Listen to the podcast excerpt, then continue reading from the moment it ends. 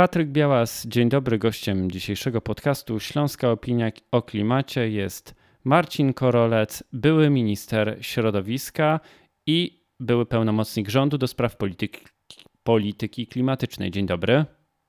Dzień dobry Państwu, dzień dobry Panu.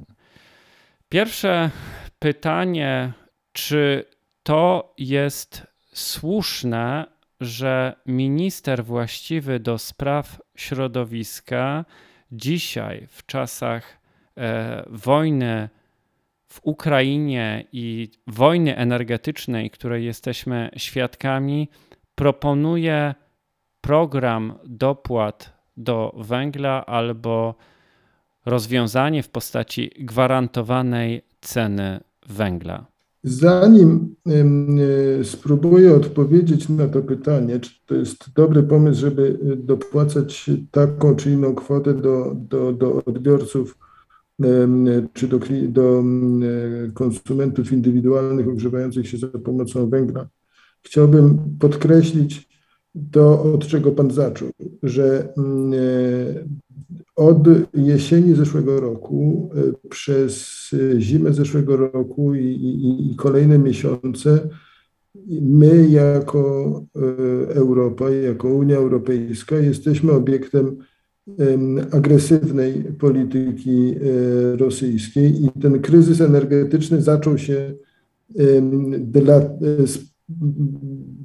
poprzez wrogie działania rosyjskie w szczególności poprzez to, że po prostu zaprzestali normalnych dostaw gazu do Europy jeszcze w zeszłego lata, w zeszłym roku mniej więcej o tej porze, po to, żeby e, opróżnić magazyny gazu, które są w dyspozycji Gazpromu, które są rozmieszczone głównie w Niemczech, po to, żeby mieć dodatkowy argument negocjacyjny, w szczególności w stosunku do strony niemieckiej. Słuchajcie, pozwólcie nam uruchomić Nord Stream 2. Potem wybuchła wojna 24 lutego, potem napadła Rosja na, na, na Ukrainę i jesteśmy dalej w scenariuszu e, konfrontacyjnym z e, Federacją Rosyjską, kolejnymi sankcjami, etc. Więc to jest podstawowa i pierwotna przyczyna tego kryzysu energetycznego, e, w którym jesteśmy, a nie jakieś inne wydarzenia e, czasami są podawane w, dys w dyskursie e, publicznym. Teraz wydaje mi się, że tego, co mnie brakuje osobiście w dyskursie publicznym na temat tego, gdzie my jesteśmy, co powinniśmy robić, to po pierwsze przyznanie, że jesteśmy w okresie wojny gospodarczej z Federacją Rosyjską, wo, wojny, która jest po obu stronach i że mamy gospodarkę wojenną dzisiaj w Polsce, w Unii Europejskiej i że z tego faktu powinniśmy wyciągnąć wnioski. Dzisiaj jeszcze jest ciepło na dworze, dzisiaj jest nawet bardzo gorąco, ale zbliża się jesień, zbliża się zima, zbliża się przedwiośnie i my strukturalnie, w szczególności jako Polska, jesteśmy do tego okresu strukturalnie nieprzygotowani. Przez miesiące i tygodnie mieliśmy wypowiedzi decydentów różne, różnego szczebla. Słuchajcie, nie przejmujcie się, jesteśmy bezpieczni, mamy duże zapasy węgla, mamy magazyny gazu, etc., etc. Otóż okazało się, że nie mamy zapasu węgla, z magazynów gazu w lecie się nie korzysta, tylko się je zapełnia po to, żeby z nich korzystać na jesieni i w zimie. Więc jeżeli teraz korzystamy z magazynów gazu, to oznacza, że w listopadzie, grudniu i styczniu tego gazu prawdopodobnie będzie nam strukturalnie e, bra, bra, brakowało. I dyskusji na temat tego, jakie wnioski wynikają dla nas wszystkich z faktu, że jesteśmy w okresie gospodarki wojennej, ja nie widzę i, on, i jej mi strukturalnie brakuje. Propozycja, żeby dopłacać tym konsumentom, którzy korzystają z ogrzewania za pomocą spalania węgla, jest jednym z, jednym z działań, które trzeba robić. Czy to jest ten poziom cenowy, czy to jest inny, ja, ja dokładnie nie wiem. Nie umiem tego, tego, tego ocenić, ale to jest na pewno daleko, daleko niewystarczające poza to, co potrzebujemy. 40% Polaków ogrzewa się ciepłem systemowym, czyli ciepłem, które jest z elektrociepłowni albo z ciepłowni miejskich. Nie mamy systemu pomocy dla wrażliwych grup społecznych, dla wrażliwych konsumentów, którzy być mo, którym rachunki być może bardzo wzrosną za ogrzewanie do, domowe, którzy nie mają w bloku czy w kamienicy możliwości e, dogrzania się tym czy innym źródłem i którzy strukturalnie będą wystawieni na nadzwyczajne wzrosty e, cen energii. Więc to, co chcę powiedzieć, jest, że te działania jednostkowe skierowane na osoby, które się ogrzewają za pomocą spalania węgla, jest być może trafione. Ja szczegółów tego e, rozwiązania nie znam, ale to jest na pewno, na pewno daleko, daleko e, nie, e, niewystarczające. No i właśnie teraz chciałem, właśnie teraz chciałem zapytać o to, skoro to są takie punktowe, można powiedzieć krótkoterminowe działania, które dzisiaj leżą na stole, które proponuje nam rząd, to jakiego rodzaju systemowych rozwiązań potrzebujemy, aby tę wojnę energetyczną, której jesteśmy częścią, wojnę energetyczną, którą toczy Rosja e, z Unią Europejską i z całym światem poniekąd, e, żeby tę wojnę wygrać? Y, po pierwsze, wydaje mi się, że po, po, pierwsze powinniśmy przyznać, że jesteśmy w takim miejscu, w którym jesteśmy. Znaczy, że jesteśmy w momencie gospodarki wojennej. To znaczy, że powinniśmy rozpocząć dyskusję o to, w jaki sposób traktować nasze wspólne zasoby energetyczne, nasze zasoby węgla, nasze zasoby gazu, nasze zasoby e, ropy naftowej i, i, i pochodnych w przypadku naszych indywidualnych decyzji. I jaki powinien być tutaj, jaka tu powinna być relacja i w jaki sposób moje indywidualne decyzje korespondują ze wspólnym zasobem i że ten wspólny zasób jest ograniczony.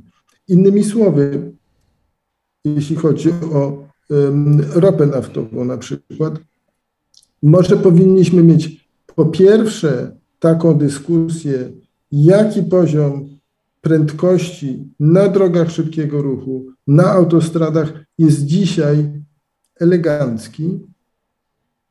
Może nie musimy jeździć 150-140 km na godzinę, może możemy jeździć 100 albo 90, dlatego że jest wojna i dlatego, żeby oszczędzać tą ropę naftową, ropę naftową, której będzie nam brakowało, albo której cena będzie niezwykle wysoka, jeżeli będzie nam jej brakowało. I co, będzie, i co my musimy wspólnie zrobić, żeby y, ropa naftowa nie kosztowała tak jak dzisiaj 8 i nie kosztowała 10 i nie kosztowała 12 zł. I co mamy zrobić, jeżeli ona by zaczęła tyle kosztować? Jeśli chodzi o, o konsumpcję elektry, elektryczności, być może możemy się zgodzić na to wspólnie, że nasz komfort ciepła w okresie wojennym powinien być taki, a nie inny, że klimatyzacji nie włączamy, dopóki e, temperatura w pomieszczeniu nie przekroczy, nie wiem, 25 stopni, albo nie włączamy ogrzewania, do, jeżeli temperatura w pomieszczeniu nie spadnie poniżej 18 stopni czy 16 stopni e, Celsjusza. Taką dyskusję powinniśmy odbyć, dlatego że taki, taka kołysanka, którą słychać ze strony decydentów, nie bójcie się, konsumenci indywidualni zostaną ochronieni. My dla Was zabezpieczymy węgiel, czy my dla Was zabezpieczymy zasoby prądu, czy my dla Was zabezpieczymy zasoby gazu. Otóż moim zdaniem, po pierwsze, nie wiem, czy te, czy te deklaracje są rzetelne, a po drugie, e, co mamy zrobić, żebyśmy nie stanęli przed dramatycznym wyborem, czy chcę mieć jako taki komfort cieplny w moim mieszkaniu, czy chcę mieć pracę, czy chcę mieć miejsce pracy. Bo być może przerwy w dostawach energii czy surowców energetycznych, albo ich cena dla biznesu będzie tak wysoka, że po prostu będziemy mieli do czynienia z e, strukturalnymi e, bankructwami, czy po prostu niemożliwością finansowania tej, tej, tego, te, te, tego typu zakupów ze strony e, biznesu. No i co wtedy mamy zrobić? Myślę, że po pierwsze administracja powinna w jakiś sposób zacząć od siebie, czy państwo powinno w zasadzie w jakiś sposób zacząć od siebie, z pewnymi wyjątkami. Znaczy, oczywiście w szpitalach e, powinien być zagwarantowany ten poziom e, komfortu, który jest, e, który mamy dzisiaj i który jest niezbędny, ale z, tego, z tych ograniczeń moim zdaniem powinny zostać wyłączone szkoły i szkoły powinny mieć zapewniony i komfort cieplny, a może powinniśmy również zagwarantować w tym, w tym e, dramatycznym czasie wojennym, który nas dotknie na jesieni, gwarancję, że każde dziecko w publicznej szkole będzie mogło mieć dostęp do ciepłego posiłku. Ale na to z kolei musi być strumień pieniądza przeznaczony ze strony władz centralnych do samorządów, żeby samorząd mógł z tego typu instrumentów w tym nadzwyczajnym czasie skorzystać. Takiej dyskusji, w jaki sposób mamy się wspólnie przygotować na czas najbliższej zimy, najbliższej jesieni i potem prze, prze, przednówka, mi strukturalnie brakuje i bardzo się obawiam, że znajdziemy się w takiej sytuacji, którą pamiętam z lat 80. czy 90., że znowu zima zaskoczyła drogowców i nadzwyczajne wydarzenie w postaci śniegu, który pada w grudniu, sparaliżuje po, po, po, po, połowę kraju. Dzisiaj wiemy, że będzie trudno i mam wrażenie, że nic z tym nie robimy, a ta bezczynność może nas bardzo, bardzo dużo kosztować. Teraz chciałem zapytać o to, e, w jaki sposób systemowa dekarbonizacja europejskiej gospodarki, o której Pan napisał przed kilkoma dniami, jest najlepszą odpowiedzią z możliwych na wojnę energetyczną, jaką Rosja prowadzi z Europą i resztą świata, i jak ta systemowa dekarbonizacja powinna wyglądać. Y, na pewno, na pewno trzeba by podjąć taką krótką refleksję, co możemy zrobić w krótkim okresie. W jaki sposób za pomocą drobnych środków finansowych i drobnych działań możemy uzyskać jakieś, jakieś oszczędności konsumpcji ciepła, konsumpcji prądu czy, czy, czy surowców e, transportowych. To, to na pewno jest praca domowa na najbliższe ty, ty, tygodnie. Natomiast mm, e, myślę, że najlepszym sposobem odpowiedzi Putinowi i jemu podobnych e, Saudom, e, władzom Teheranu i, i innym wielkim eksporterom ropy naftowej, podobnym do, do, do nich, po prostu ropy czy gazu czy węgla, najlepszą możliwą odpowiedzią, czy to ekologiczno-klimatyczną, czy to e, gospodarczą, czy w końcu moralną, e, jest powiedzieć, a wiecie co, my nie musimy od was tego kupować wszystkiego. My, my się zorganizujemy inaczej. Mamy na to zasoby intelektualne, mamy na to zasoby finansowe, jeżeli tylko o tym dobrze pomyślimy, bo na poziomie indywidualnym może tego, tej osoby czy, czy, czy innej na, na poszczególne rozwiązanie nie stać, ale jako, jako wspólnota, jako kraj, jako Unia Europejska jesteśmy to w stanie zorganizować. E, czy w końcu jako, jako przedsięwzięcie modernizacyjne, czy przedsięwzięcie budujące przyszłą konkurencyjność e, te, te, te, tego kraju. Proszę sobie wyobrazić, że rachunek za prąd w Polsce za ostatnie powiedzmy pół roku, czy za ostatni rok, który ma, że tak powiem, krzywą rosnącą, dość, dość, dość dramatyczną w Polsce i podobny rachunek za prąd w Szwecji płaska linia. Tam nie ma podwyżek cen prądu. Dlatego, że prąd jest produkowany albo z wody, albo e, ze słońca, albo z wiatru. E, nikomu nie trzeba w walizkach tych, tych pieniędzy wysyłać.